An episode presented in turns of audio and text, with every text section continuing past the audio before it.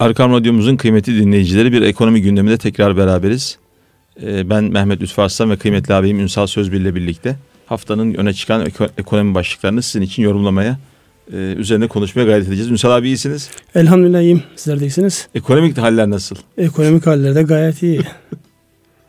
Bizim açımızdan iyi bilmiyorum yani. Şimdi insan tabii sürekli böyle e, hani rıza hali diye bir şey bahsederler tasavvufta rıza halinde olursa aslında her şey iyi. Ama ekonomiyi böyle bir gündemimiz yaptılar. Sürekli böyle bize pompalanan bir gündem olarak.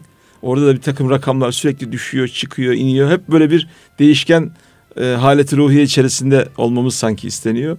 Rakamlar düştükçe biz de düşeceğiz. Rakamlar çıktıkça biz de çıkacağız. ya bu hayatın bir gerçeği artık bundan sonraki süreçte hep böyle. Yani bu rakamların aslında şeyinde bunu bulabilmek de cidden bir hani o değişkenliği içerisinde bu rıza halini yakalamak da ayrı bir e, kalite gerektiriyor zannediyorum. Hocam üç tane şey var biliyorsun. Ya cesaretli bir şeyleri değiştireceksin. Ya kabulleneceksin, metanet göstereceksin ya da ikisinin arasındaki dengeyi hikmetle izleyeceksin. Başka bir başka yöntem yok. Evet. Çünkü rakamlara takıldığınız zaman yani onun günübirlik etkilerin üzerine kafa yorduğunuz zaman o insan hasta eder. Kayıtsız kaldığınızda o başka türlü hasta eder. Dolayısıyla yani ne her şeyiniz rakamlar ve ekonominin gündemi ne de e, kayıtsız kalmak ikisi arasındaki bir dengeyi sağladığımızda biz doğru yolu bulmuş olacağız inşallah. güzel güzel e, ifade ettiniz Ünsal abi. E, hemen isterseniz e, ben kendi notlarımdan başlayayım. Sizin de kendinize ait notlarınız var zaten. E, geçen haftanın en önemli gündemlerden bir tanesi Fed'in faiz artırımı idi. Yani Amerikan Merkez Bankası e, faiz aralığını yüzde 0.75'te bir aralığına çıkardı ve sene içerisinde üçten fazla faiz artışı yapmayacağını söyledi. Dört bekleyenler vardı. Bunun e, bizim Merkez Bankası'nın faiz artırımına bir etkisi olacak mı olmayacak mı diye spekülasyonlar yapılırken ertesi gün e, gecelik ve repo faiz oranlarını Merkez Bankası değiştirmedi. Geç likiditeyi 11'den 11.75'e çıkarttı. E, şimdi normalde siyasilerin istediği olduğu gibi düşünülüyor ama hiç de onu böyle yorumlamıyor ekonomistler. Sonuçta bu bir e, yine bankaların para maliyetlerini artıran bir şey olduğu için e, bu yine faizin artmaması anlamına gelmiyor diyorlar en basit tabiriyle.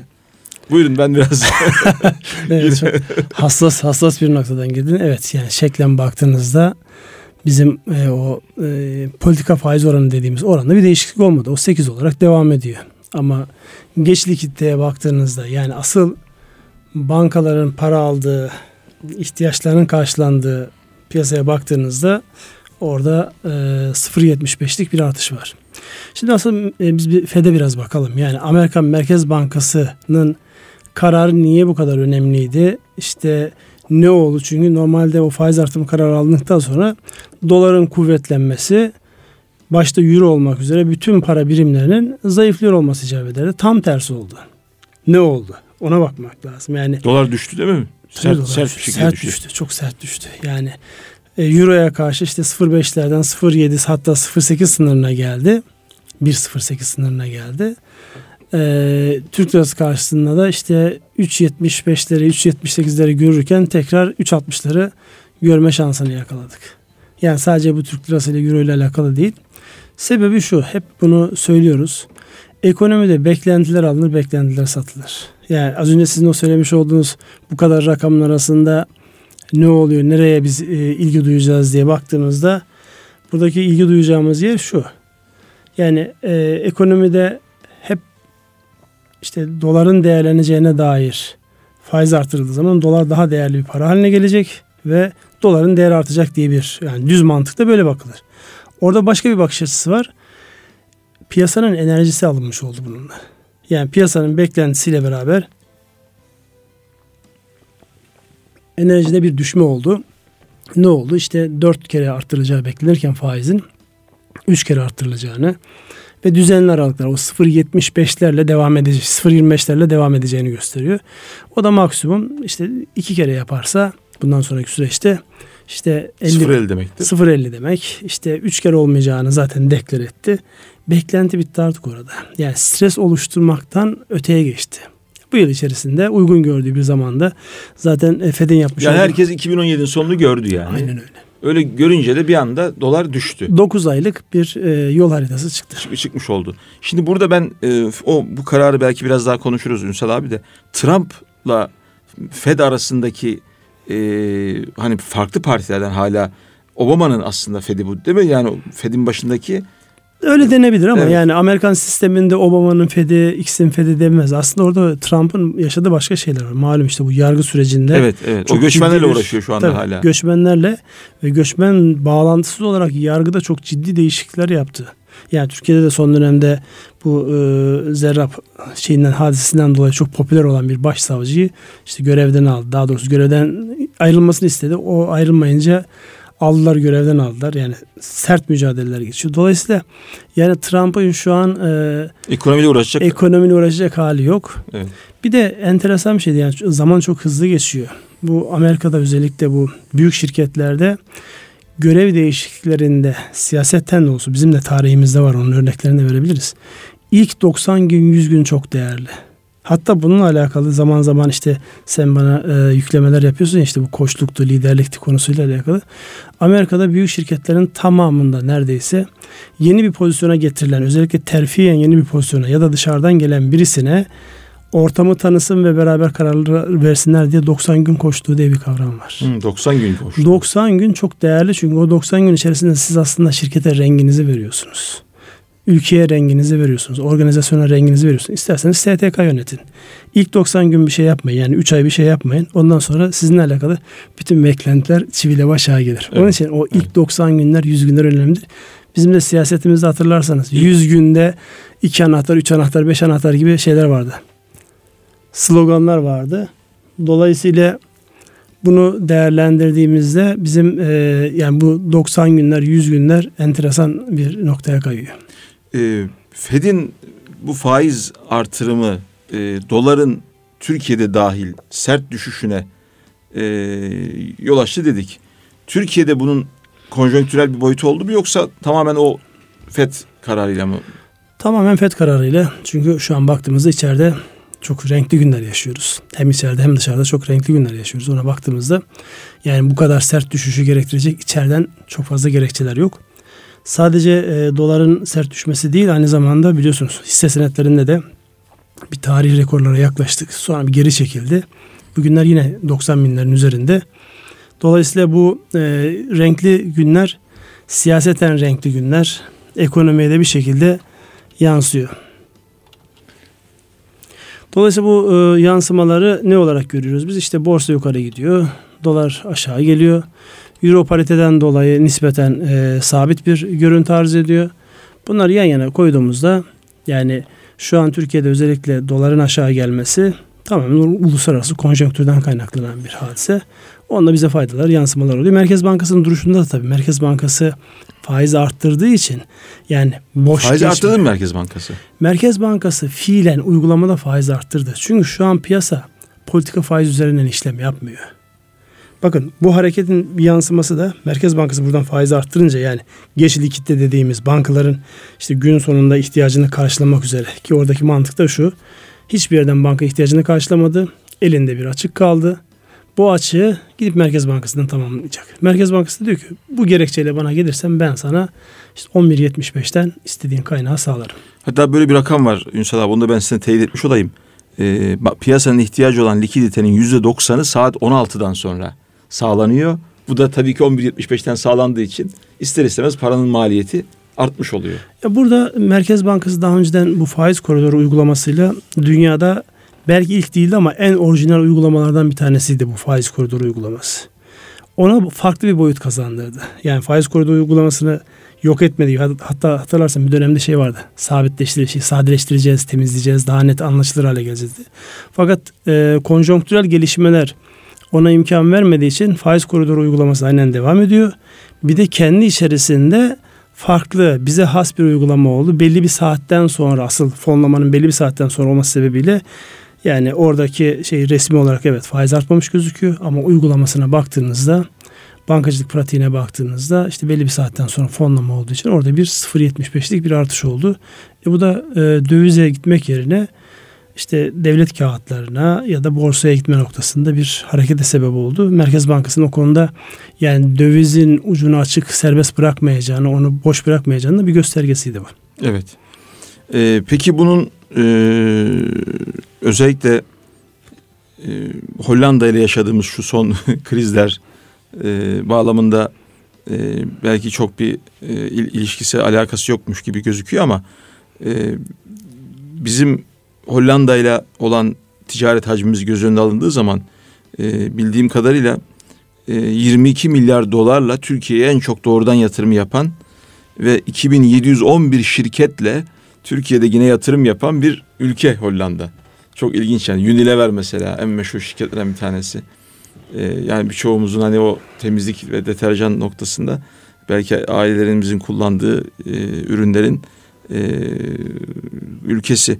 Dolayısıyla böyle bir e, Hollanda-Türkiye ortaklığının ya da ticaret hacminin e, bu süreçte bir şey olmuş mudur? E, kriz beklentisi. psikolojik yansımaları şöyle daha çok ilk etaptaki bu yansımalar e, turizm sektöründe olur.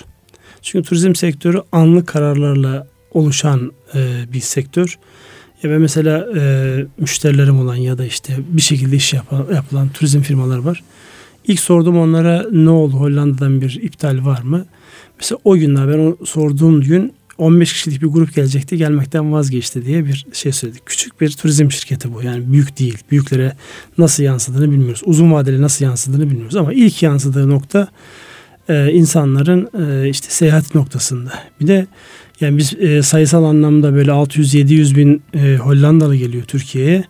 A, ne olacak ki falan diyoruz. Ama 17, paralılar değil mi? 17 milyon nüfusu olan bir ülkeden 600-700 bin kişi sıkı bir rakam. Evet, güzel bir, bir rakam. Bir de öyle şey değil yani. Ruslar evet. gibi böyle basit şeyle gelmiyor. Ucuz paketlerle gelmiyorlar yani. Evet daha, daha daha bir para harcamayı yani bu anlamda çünkü öyle bir kültürleri var yani. Bunlar zaten yani seyyah bir e, topluluk sömürgecilikten gelen dünyayı tanımak üzerine kurulu bir kültürden geliyor. Hatta bizde televizyon programları yapan Hollandalılar falan var. Türkçe öğrenmişler böyle yarım yamalak şeylerle.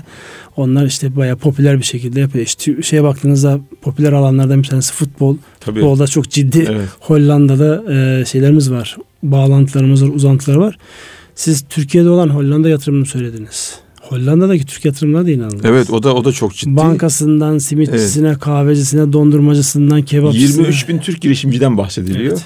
Bunların tabii yani sonuçta tabii burada biz bir takım şeyleri belki hamasi duygularla değerlendiriyoruz Ünsal abi ama orada sonuçta ekmeğini de oradan kazanan, dolayısıyla oradaki insanlarla bir arada yaşamak zorunda olan çok ciddi bir kesim var. Halkımız var, insanlarımız var. Onların duruşu noktasında cidden bir hani siyasetin duruşunun da çok böyle bir dengeli olması gerekiyor sanki işte siyasetin yani e, adı üzerinde siyaseten yapılan bazı şeylerin siyaseten kalması lazım ama orada kalmıyor. Özellikle insanlar bunu herkes aynı şekilde yorumlayamıyor. Yani bizde mesela siyasetçiler kendi aralarında çok birbirlerine karşı sert konuşmalar yapıyorlar. Bakıyorsun bir sonrakinde hiçbir şey olmamış gibi gayet bunu işte topluma yansıtmak o kadar kolay olmayabiliyor. Hele bir de Hollanda gibi, Almanya gibi daha doğrusu Kara Avrupa'sındaki şey yükseliyor. Milliyetçilik akımları yükseliyor. Orası çok böyle neşvinema bulan bir alan haline geldi. Evet, Her an evet. Fransa'da bir yani Frexit yaşayabiliriz yani. Fransızlar, İngilizler gibi Avrupa Birliği'nden çıkabilir. Dolayısıyla böyle bir süreçte yabancılara karşı inanılmaz bir tepki var. Yani biz ne kadar hoşgörülü olmamıza rağmen bazı bölgelerde, bazı semtlerde işte Suriyelilere karşı olan tavırları biliyorsunuz. Yani biz Türkiye olarak inanılmaz işler yaptık orada. Yani kabullenme, onlara sahiplenme, onlara destek olma anlamda ama bazen böyle arizi şeyler çıkabiliyor.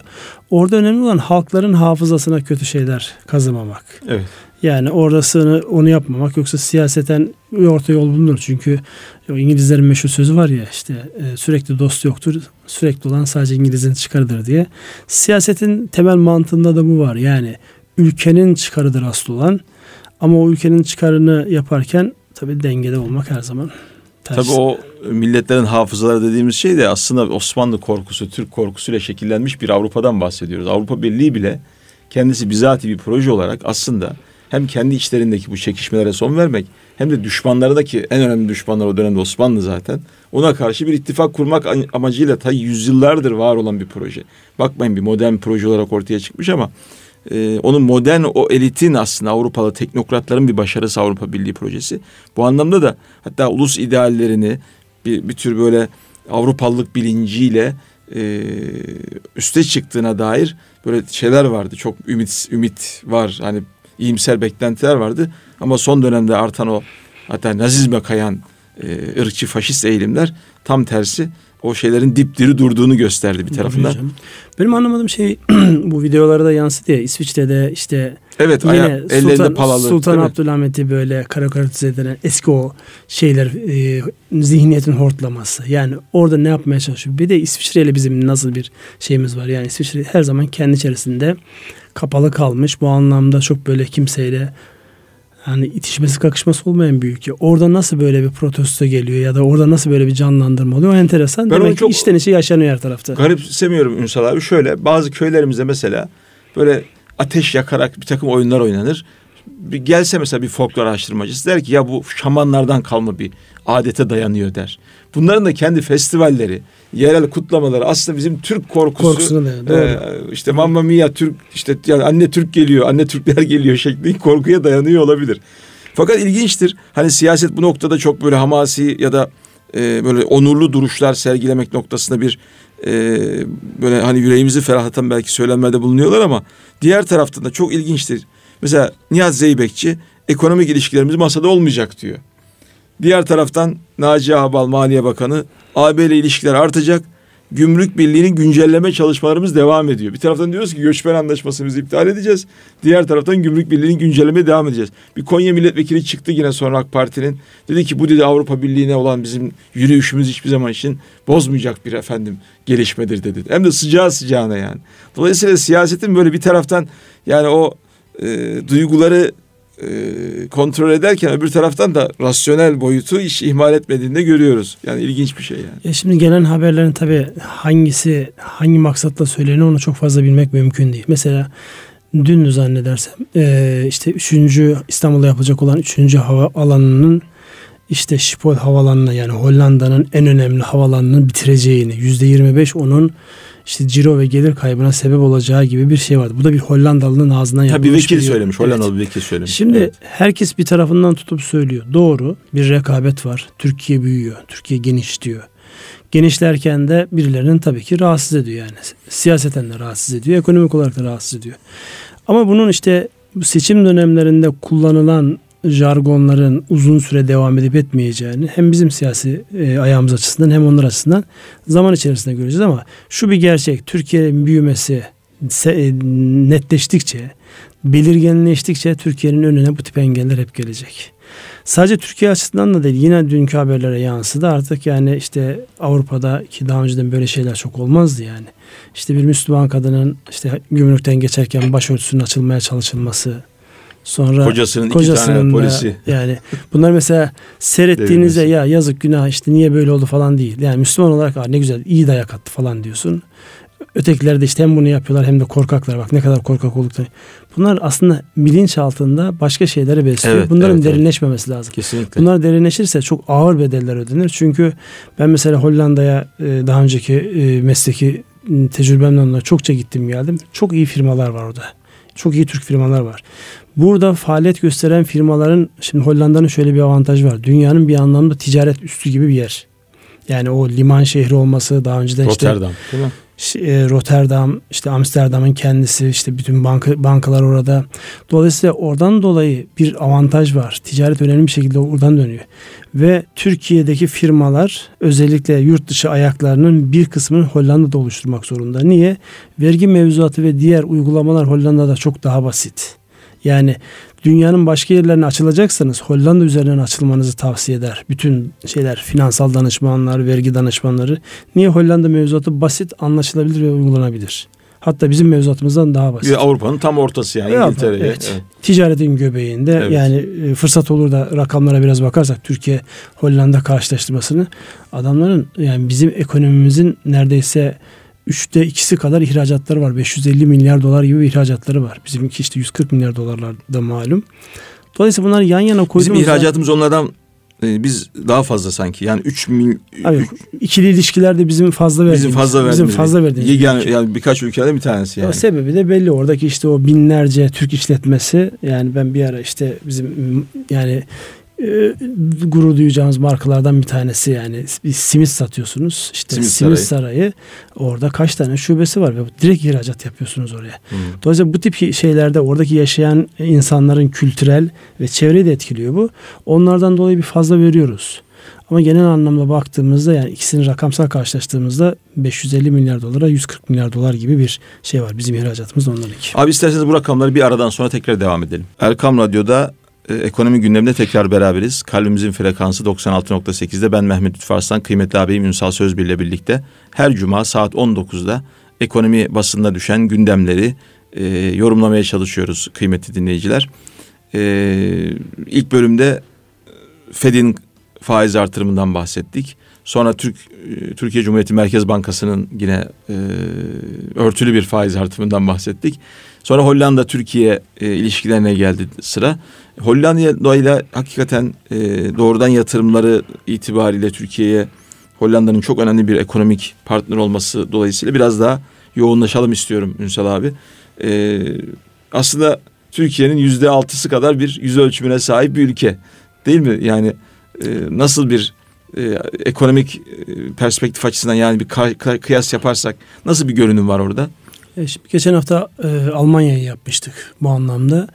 Yani baktığımızda Almanya'da Türkiye'nin yani yüz ölçüm olarak baktığımızda toprak bütün büyüklüğü olarak yarısından daha küçük ama Türkiye'nin beş katı büyüklüğünde bir ekonomiden bahsetmiştik.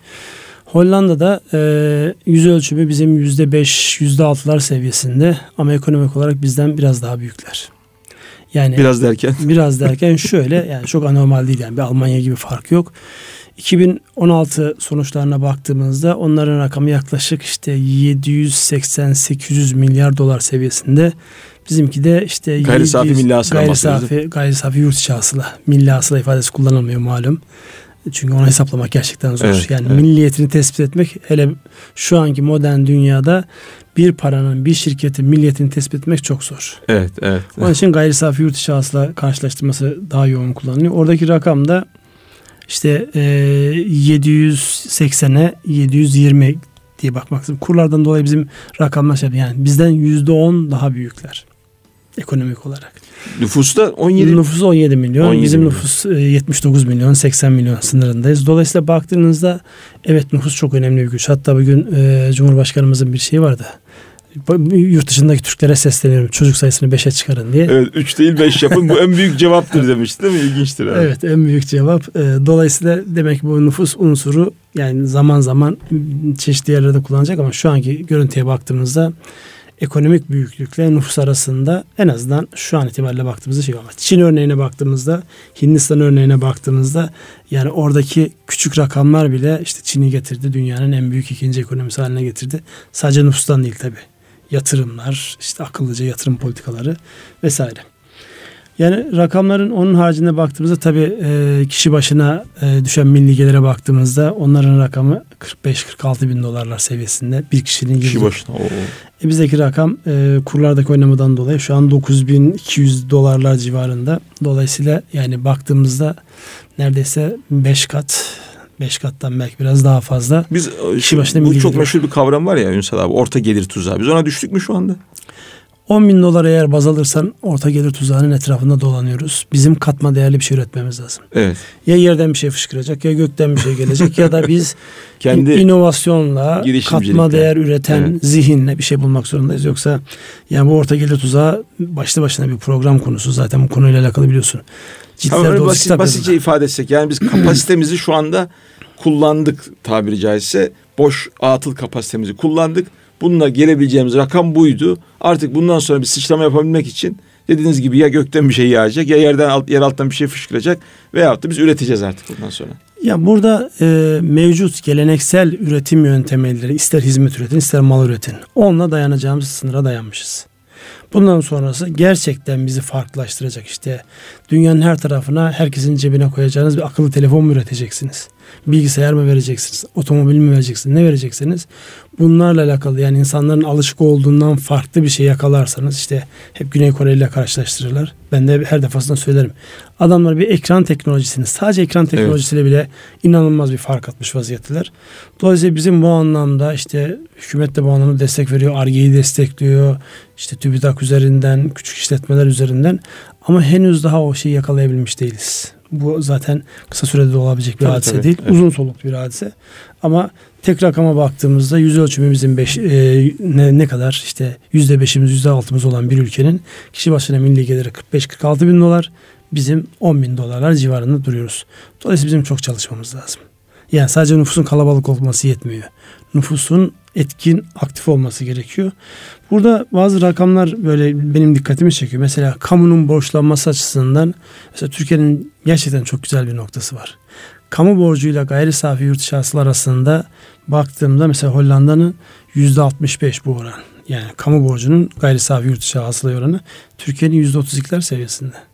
Yani biz kamu olarak daha az borçlanan bir ülkeyiz ve son zamanlarda eskiden biliyorsunuz bütün yatırımları kamu yapardı bizde. İşte bu model değişikliğinden sonra özel sektörün yapması ki şu üçüncü havalanına kadar kamunun şeyi de yoktu burada bir garantörlüğü de yoktu. Sadece üçüncü havalanı büyük bir proje olduğu için onunla alakalı bir hazine garantörlüğü işin içerisine girdi. Yani kamu hiçbir şekilde yatırımlarda doğrudan yer almıyor. Ona sponsor olarak yer alıyor. Ne diyor? Ben sana işte eğer bu yatırım yaparsan şu kadar işte yolcu garanti ediyorum. İşte köpründen şu kadar araç geçireceğim. Şu kadar insan geçireceğim. Dolaylı olarak desteklenerek kamunun yapmış olduğu bir şey var. Dolayısıyla burada lehe bir durum var. Kamu borçlanması açısından e, Türkiye e, ciddi bir fark Biraz onların Sağ siyasi olsun. istikrardan uzak olmalarının da bunda sanki bir etkisi var gibi. Çünkü siyasi istikrarsız istikrarsızlık var burada gerçekten. Şimdi koalisyon son seçim e, de ortaya çıkarttı ki hiçbir parti yüzde yirmiyi geçemiyor. Altı tane çok büyük parti var. İki, iki üç tanesi yirmi civarında. E, diğer iki üç tanesi de on civarında. Bunların dört beş tanesinin bir araya gelip hükümet kurması gerekiyor. Bu da günler sürüyor. 50 gün 60 gün boyunca hükümetsiz devam ediyor. Bilmiyorum bu iyi bir şey mi kötü bir şey mi ama e, koalisyonlardan çok bezmiş çekmiş bir ülke olarak biz bunu çok böyle iyi bir şey olarak göremeyiz herhalde. Biz göremeyiz de onların açısından bir problemi yok. Yani baktığınızda yani dünya devi firmaları var. İşte Shell, Philips, işte Türkiye'de ING Bank. Yani baktığınızda yani her sektörden devasa firmalar üretmişler. Dolayısıyla bu firmaların varlığı şunu da gösteriyor. Yani siyaseten kim hangi oyu alırsa alsın o firmaların, o işletmelerin özünde de o ülke halklarının menfaatine dokunmayacaklar. Onların lehine bir şeyler üretmek zorunda. Belçika'da 16 ay mı 18 ay mı hükümet kurulamadı. Ama ülke bir şekilde devam etti. Yani şunu biz duymadık. Yani Belçika hükümet olmadığı için kaosa girdi diye bir şey duymadık. Bize en fazla benzeyen burada İtalya'dır. İtalya'da bile hükümetler istifa etmek zorunda kalıyor bir şeyler oluyor ama yani insanlar sokaklara dökülüp de herhangi bir şey yapmıyor. Şeye baktığımızda e, İtalya'nın bu anlamda çok ciddi ve diğer Avrupa ülkelerinin hükümetsizliği bir şekilde kurumsallaşmış yapılarla götürüyorlar. Ama bizim gibi ülkelerde stratejik konumundan dolayı, jeopolitik öneminden dolayı bizde yönetim boşluk bırakılacak bir hadise değil. Bizdeki kadar önemli değil oradaki böyle e, hükümetlerin hemen kurulup ya da kurulmaması. Çünkü arkada işleyen bir kültür, bir gelenek var. Evet, bir ekonomik mantık var. O muhtemelen bu tür siyasi çıkışları da aslında onlar için ikincil hale getiriyor. Bizde siyasi çıkışlar çok önemlidir. Herkes ondan yatar, ondan kalkar. Ama adamlar arkadan o ekonomik mantığı yürüttükleri için muhtemelen o e, şeyleri de bizim kadar önemsemiyorlar. İşte bakanın e, alınmamasını ya da bir takım böyle krizlerin çıkmasını falan. Ya önemsiyorlar da yani bizimki kadar tabii yani derin izler bırakacak şeyler olduğunu zannetmiyorum. Ya bir de yaklaşımla alakalı. Ben kendi bizzat yaşadığım bir hadise. Biz e, İngiltere'de bir şeye katılmıştık. Böyle bir haftalık bir programa katılmıştık. Orada katılımcılar şeyde muhtelif ülkelerden şeyde Danimarka'dan bir çevre bakanı gelmişti. Evet. Adam toplantıya taksiyle geldi.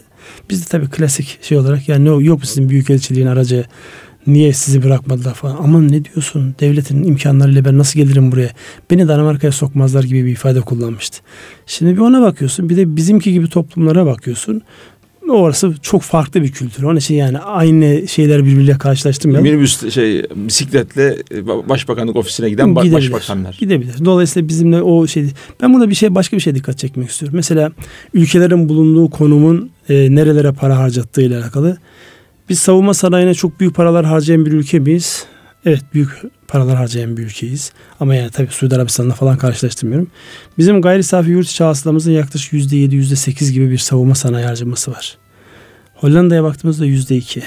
Yani bu bile nasıl bir tehdit algısı olduğunu gösteriyor. Yani Hollanda'yı kim tehdit edecek adam savunma sanayine gidip şey yapacak. Ama aynı Hollanda biliyorsun bizim bu şeylerle alakalı savunma sistemlerinde özellikle bu füzeler gelmişti ya Patriot füzeler. Evet. Onlarla bir ayağı Almanya'ydı bir ayağı Hollanda'ydı. Hollanda'ydı evet evet. Dolayısıyla yani bunlar teknolojiyi kullanıyor. Silah ihracatçısı yani. Aynen öyle. Evet. Yani nereye yatırım yani kendileri için değil başkaları için silah üretiyorlar. Dolayısıyla orada o teknoloji üretmenin avantajlarını fazlasıyla kullanıyorlar. Dolayısıyla burada baktığımızda yani az önce de söyledim en dikkat çeken e, iki şey bir tanesi Hollanda'nın kredi notu. Bizim yatırım yapılabilir olmaktan düştük biliyorsun. 3A notu olan nadir ülkelerden bir tanesi de Hollanda. Yani bu Fish, Standard Poor's ve Moody's'in hep beraber geçer dediği bir... En sevdikleri ülkelerden bir tanesi evet, bu. Yani evet. onların 3A, üçünde de 3A, bizimki 2B. Yani yatırım yapılabilir olmaktan çıktık. Dolayısıyla böyle baktığınızda sadece bu bile para nereye akar? Yani korkan para, korkak para nereye gider? Hollanda'ya gider. Türkiye'ye ne zaman gelir ya da hangi para gelir? Biraz daha risk almak isteyen, daha çok kazanmak isteyen ve risk almak isteyen para gelir. Geliyor mu? Evet geliyor. Evet. Geliyor yani. Vurup ona, kaçmak isteyen para bize gelir. Tam öyle vurup kaçmak demiyorum ama daha bir riski seven yani başına gelecekleri de kendince edebilecek. Dolayısıyla beklentisi yüksek onun. Yani evet, evet. Hollanda'ya 0.50 ile parayı götürürken size %6 ile %7 ile verirler bu parayı. Dolayısıyla arada da böyle belirgin bir fark oluşur. Onun haricinde e, dikkat çeken diğer e, hadise e, özellikle bu dış ticaretle alakalı olan başlıktı. Dış ticarete baktığımızda az önce de biraz söylemeye çalıştım ben. İşte e, geçen seneki rakamlara baktığımızda işte bizim 150 yaklaşık 150 milyar dolar seviyesinde Hollanda'nın ihracat rakamı işte 545 milyar dolar seviyesinde. Şimdi ekonomilerin büyüklüğüne baktığında ha diyeceksin ithalat ne kadar? İthalatta da biz 200 milyar dolarlar seviyesindeyiz. Onlar 500 milyar dolarlar seviyesinde. Dolayısıyla bu bile Hollanda'ya şunu diyor. Bu ticaret ülkesi. Bu ülke ticaretten para kazanıyor ve e, dış ticaret fazlası veren bir ülke. Yani evet. biz onlara karşı dış ticaret fazlası veriyoruz. Onlar dünyaya karşı dış ticaret fazlası veriyorlar. Yaklaşık işte 50-60 milyar dolar seviyesinde. Dolayısıyla böyle bir ülke var karşımızda. Bizimle onların arasındaki ticaret noktasında da biraz böyle konuşsak e, Ünsal abi. Mesela 3 milyar 580 milyar dolar yani 3 milyar 580 milyon dolarlık bir ihracattan söz ediyoruz. Hı hı. Değil mi? Türkiye'nin evet. ciddi bir rakam bu. Ve oradan da 3 milyar dolar civarında bir ithalatımız var. İhracat olarak ne satıyoruz, ithalat olarak ne alıyoruz orada? Ya bizim ihracat olarak sattığımız şeyler belli. Yani bizde ürettiğimiz şeyler belli. İşte tekstil var burada, gıda sektörü var onların firmalarının burada ürettirdiği şeyler var. Mesela Türkiye'nin en büyük işte petrokimya özellikle temizlikle alakalı olan, gıdayla alakalı olan işte Türkiye'nin en büyük dondurma, hazır dondurma satan firmalar onlar. Dolayısıyla onların bize satmış olduğu şeylerle bizim onlara sattığımız arasında bir kere teknoloji farkı var. Onlar bize daha çok makine ekipman satıyorlar daha çok işte katma değeri yüksek olan ürünler satıyorlar. Bizim onlara sattığımız tekstil ürünleri, gıda sektöründe ciddi bir şeyimiz var. Yani orada baktığımızda Hollanda'nın işte otomotiv ile alakalı yani Almanlar gibi değil onlar. Dolayısıyla Biz yan sanayi satıyoruz onlara değil mi? Otomotiv, evet. otomobil, otomobil satıyoruz onlara. Yan sanayi olarak yani bizi destekleyen bir mekanizma yok. Çünkü kendilerinin oluşturdukları bir marka yok. Bizim en büyük avantajımız Almanya'da biliyorsun en büyük ihracatımız da otomotiv, en büyük ithalatımız da otomotiv. Evet. Dolayısıyla yan yana koyduğunuzda e, orada bir denge sağlanıyor. Burada öyle bir şey yok. Daha çok dediğim gibi bizim geleneksel işte tekstildi, gıdaydı ve benzeri şeyler var. Oradan aldıklarımız arasında benim dikkatimi çeken üç tane şey oldu Ünsal abi. Bir tanesi hurda alıyormuşuz. Çok ciddi hurda alıyormuşuz. Yağ alıyormuşuz. Yani o e, sanayi de kullanılmak üzere. Bir de traktör. Traktör bu Onların markası var. Onların bir Holland diye bir şeyleri var. Ha, Holland. Ha, tamam. Yani dolayısıyla şeyler var. Yani o anlamda zaten tarım ülkesi. Yani baktığınızda aslında bizim gıda ürünleri anlamda peynir falan satamıyoruz oraya. İşte az önce söylediğim anlamda işte simit satıyoruz, başka şeyler satıyoruz. Yani meyve satıyoruz. Ama diğer tarım ürünleri özellikle hayvansal tarım ürünleri anlamında baktığımızda Hollanda zaten dünyanın en büyük işte peynir üretenleri, işte süt ürünleriyle alakalı. Ee, orada çok fazla bizim onlara satacağımız bir hadise yok. Buradaki temel e, yani şeylere baktığımızda özellikle bu hurda tarafında ben Hollanda'nın doğrudan kendisinin hurda üreten bir ülke olduğunu düşünmüyorum. Ticaretçi bir yapı olması sebebiyle Hollanda üzerinden alıyor mu satıyor? Alıyor satıyor. Vay vay vay. Ve bizim oradaki az önce de söyledim yani Türkiye'deki e, firmaların yurt dışı ayağında Hollanda çok güçlü bir ortak. Yani Türkiye'de yurt dışı iş yapmak isteyen bütün büyük grupların Hollanda'da bir şirketi var. Hatta bugünlerde siyaseten yani işte e, başbakanın oğlunun orada şirketi vardı yoktu gibi şey. Bu o kadar sıradan bir şey ki. Yani bu Türk iş dünyası için bir Avrupa'ya grubun açılmak isteyen değil mi? Herkesin. Aynen bir grubun yani yurt dışına açılmak istiyorsa Hollanda'da bir şirket kurmasından daha tabii bir şey olamaz. Bunu böyle yani olağanüstü bir şeymiş gibi böyle anormal bir şeymiş gibi değerlendirmek sadece Türkiye ve Avrupa gerçeğini bilmemekten Ticareti kaynaklı. bilmek. Ticareti evet. bilmemekten kaynaklı. Evet. Dolayısıyla Hollanda yapısı itibariyle böyle hurda üreten bir yer değil. Ya da o yağ anlamına baktığınızda mesela İsviçre dünyanın en büyük işte bitkisel yağ ürünlerinin satılı. Orada mı üretiliyor? Hayır. Dünyanın bir tarafından alıyor bir tarafından satıyor. En büyük firmalar orada yapılanmış durumda. Evet. Dolayısıyla mal girişi oradan gibi gözüküyor. Bunların çok tarihi anlamda ciddi demek ki bir ticaretçi şeyleri var. E, yapıları var. Hatta kanuni zamanda şöyle bir anekdot anlatılır. E, Cenevizlilerle bir ciddi ihtilafa düşmüşler. Gelip kanuniden yardım istemişler Osmanlı Devleti'nden. Osmanlı'da bir iki, iki hususta hatta yardım istemişler. Bir tanesi o malum Nederland yani denizin altında demek yani. Evet. Dolayısıyla deniz e, seviyesinden aşağı bir ülke olduğu için biz buna karşı bir şey yapamayız demiş kanuni. Ama demiş siz Cenevizlere karşı Akdeniz'de koruyabiliriz. Bandıralarınıza, filolarınıza Osmanlı bayrağı çekin. Hakikaten de ondan sonra bir şey yapamamış Cenevizler. Ve Hollandalılar ticaret manasında bu anlamda ciddi efendim e, bir serbestiyet sağlamışlar. Hatta bunu bir, böyle bir şey olarak söylüyorlar. Ya biz onlara böyle bir şey yapmıştık zamanında. E, şimdi bunlar böyle nankörlük yapıyorlar tarzında ama sen Bu borsacıların acaba? anlattığı meşhur şey vardır. Lale e, krizi diye evet, bahsettikleri evet. şey var. Adamların ya daha doğrusu dünyanın o lale krizinin ortaya çıkmasında bizim ciddi katkımız var. Çünkü adamlar laleyi veren bizi zaten. Evet, evet. Yani burada görev yapan bir sefire lale veriliyor. Ne yapacağım diye adam şaşkın gözlerle bakarken tabii Türkiye'de o zaman işte özellikle bu kağıthane Sadabat lale devrinin arkasında ya da önündeki olan süreçte. Soğanın bir altına gittiği tabii, bir lale soğan. 400 yıllık geçen iki sene önce mi kutladık biz 400 yıllık birlikteliğimizi. Evet. Dolayısıyla yani onları sembolize eden bazı şeyler bizim katkımız var ama Hollanda'nın en önemli şeyi sömürge ülkesi olması. Bir sömürgeci güç yani kuzeyde olması, denizci olması, ticareti biliyor olması. Hatta bu şeylerde vardır filmlere, Hollywood filmlere yansır işte uçan Hollandalı tabiri. İşte ümit burnunu dolanırken, dönerken kaybolan bir Hollandalıya atfen söylenen bir şey. O artık bir ne derler hayalet oldu. Efsane oldu. Efsane oldu gibi. Dolayısıyla yani uzun mesafe gidebilen yerler. Zaten ne kadar uzağa gidebiliyorsanız o kadar güçlüsünüz. Evet. Sen yani, neymişsin bir Hollanda'yı bitirelim abi. Çok böyle konuştuk. Yok Hollanda'yı övmek anlamında değil canım. Yani küçücük bir ülkenin doğru adımlarla doğru siyasetinde bizim de şu anki en büyük ihtiyacımız olan ve onun adımlarını görüyoruz. İşte büyük yatırımlar, yani ufuk açan yatırımlar, ufuk açan şeyler neye sebep olabileceğini görüyorsun. Türkiye bu yolda ilerliyor. Bu yolda ilerledikçe de ayağına basanı, çelme takanı çok olacak. Yalnız ben şöyle evet. bir tespitim var Ünsal abi. Bunlar sömürgecilik, sömürgecilik günahlarının bedelini daha ödemediler. Yani gün nasıl, gelecek. Nasıl ödemediler? Şehirleri günah kusuyor. Şehirlere e, suç kusuyor. O, o, o zaten e, şu an e, belki kısa etkisi, orta etkisi. O uzun vadede bunların e, gerçekten o bir ara mağripli gençler, faslı gençler evet. Paris'i ateşe vermişlerdi hatırlarsanız. Bunların da azınlıkları, ekalliyetleri şu an üç çocuk, beş çocuk belki daha fazla yaparak zaten e, şeyi arttırmış durumdalar. Yani e, kendi nüfus oranlarını e, Hollanda'da şu an e, seçmen oranının yüzde 25-65 yaşın üstünde. Yani bu ciddi anlamda bir zaten bunların bir varoluşsal kriz yaşadığını gösteriyor. Gittikçe bu akalliyetler e, daha çok hakim olacaklar. Müslüman Avrupa, Müslüman Hollanda, Müslüman Fransa, Müslüman Almanya bunlar hiç uzak şeyler değil ve o sömürgecilikte yapmış olduklarının bedelini bunlara efendim e, tarihte yapmış oldukları o bedeli e, bir gün gelecek bu şeyleri torunları o sömürgecilerin torunları ödetecek. Ben şuna birazcık e, şeyim diyorum ki bundan öne birisinin düşmesi lazım. Bizim Hollanda'daki ya da Almanya'daki azınlığımıza, oradaki Türk vatandaşlarımıza bunlar böyle ilişmeye devam ederlerse işte o lideri de bulacak işte o e, şeyler, azınlıklar.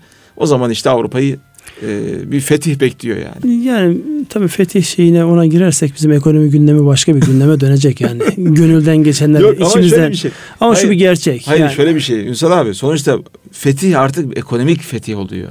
Yani fetih dediğimiz kavramı işte e, şirketler yapıyorlar, ülkeler yapıyorlar. Ya az önce e, Türk korkusundan bahsediyordun yani.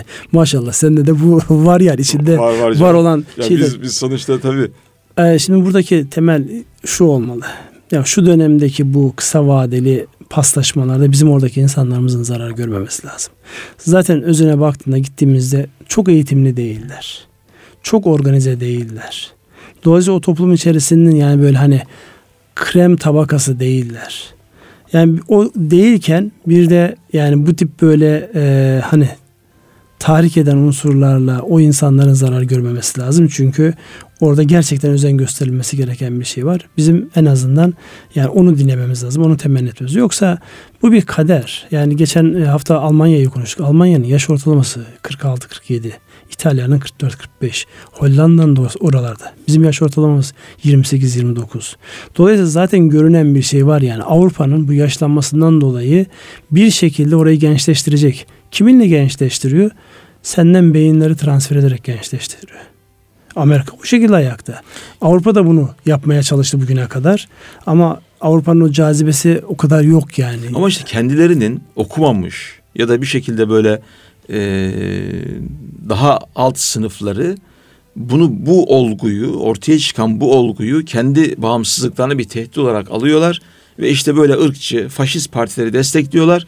Ortada çok ciddi bir şey var yani. Bir kutuplaşma ister istemez oluyor oluyor yani. Oluyor. Yani biz diyelim ki ya bak kardeşim sen sana adam lazım. E bende genç nüfus var. Senin efendim e, nüfusun gidiyor gittikçe. Ama öyle değil yani. O arka taraftaki işte kendi faşist ırkçı partiler yükselerek bu şeyi kaşıyorlar. Sonuçta da maalesef bir hesaplaşmaya doğru gidiyor. Gönül ister ki tabii her şey barış içinde olsun. Ama böyle olmayacak gibi gözüküyor. Öyle. Neyse biz Hollanda'yı şimdilik bir e, pas geçelim. E, vaktimiz de daralıyor.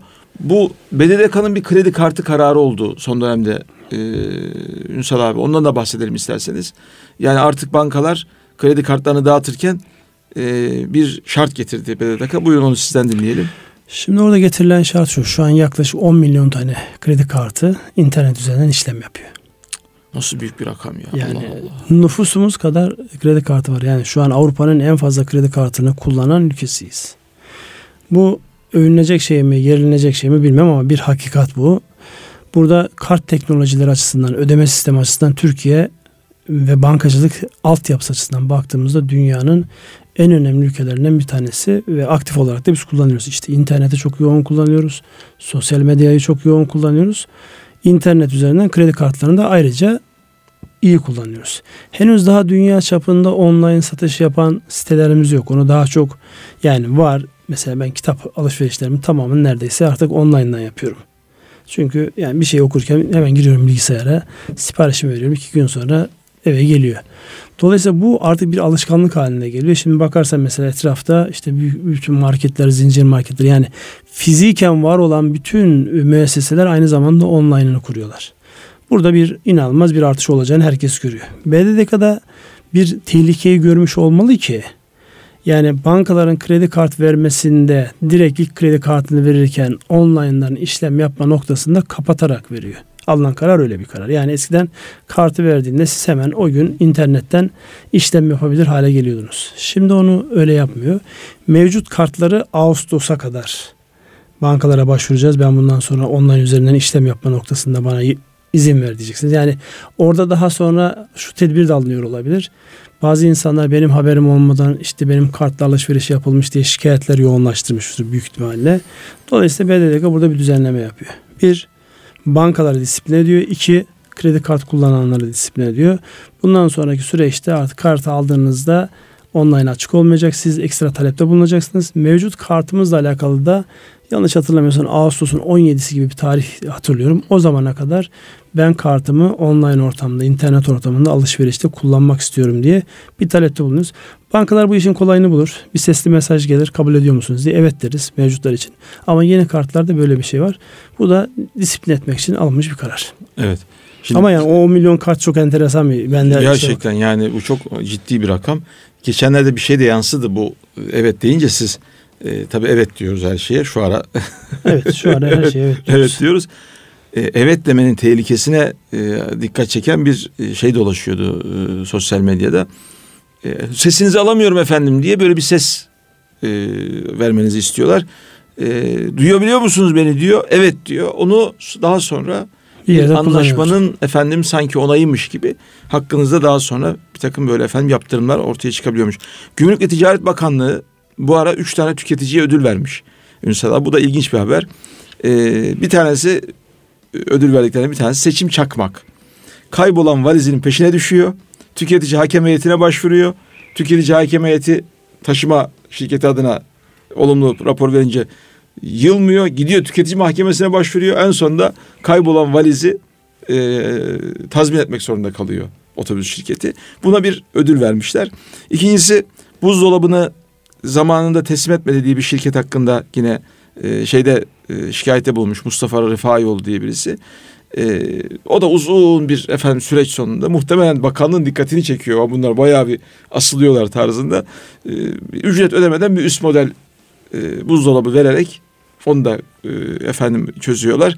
Üçüncüsünü ben özellikle burada gündeme getirmek istedim. Siz biraz önce kredi kartlarından bahsedince bir kredi kartı hesabına ücretsiz bir oyunun, ücretli bir oyunun affedersiniz, bilgisi dışında abonelik yapıldığını görüyor ekstrede ve hemen e, dava açıyor. Önce tüketici hakem heyetine başvuruyor. Sonra tüketici mahkemesine ve oradan parasını alıyor. Dolayısıyla bu online kredi kartlarından başı yananlar artacak bu gidişle. Bu anlamda BDDK'nın aldığı kararın önemli bir karar olduğu açık yani. Önemli. Az önce söylemiş olduğunuz bazı şeyler dolandırıcılıkta yani şu an dolandırıcıların zihni en az yani kuralı koyanlar ve teknolojiyi geliştirenler kadar çalışıyor. Yani TMSF'nin işte şirketlerin satılık haberlerinin çıkarılması bilmem ne yapması hep bunlar dolandırıcıların kafalarının e, bu şeylere bastığını gösteriyor. Dolayısıyla şu bir realite yani banka karşımında hata yapmaz dememek lazım. Ödemelerimizi, hesabımızı, kitabımızı harfiyen takip etmemiz icap eder. Aksi takdirde çok ciddi canımız yanabilir. Evet. Efendim bir ekonomi gündeminin daha sonuna geldik. Ee, muhterem Ünsal abimizle beraber e, ekonomi basında öne çıkan haberleri e, yorumlamaya çalıştık. Bir sonraki ekonomi gündeminde tekrar e, gelecek cuma 19'da buluşmak ümidiyle hepinize Allah'a emanet ediyoruz. Hayırlı akşamlar, hayırlı tatiller.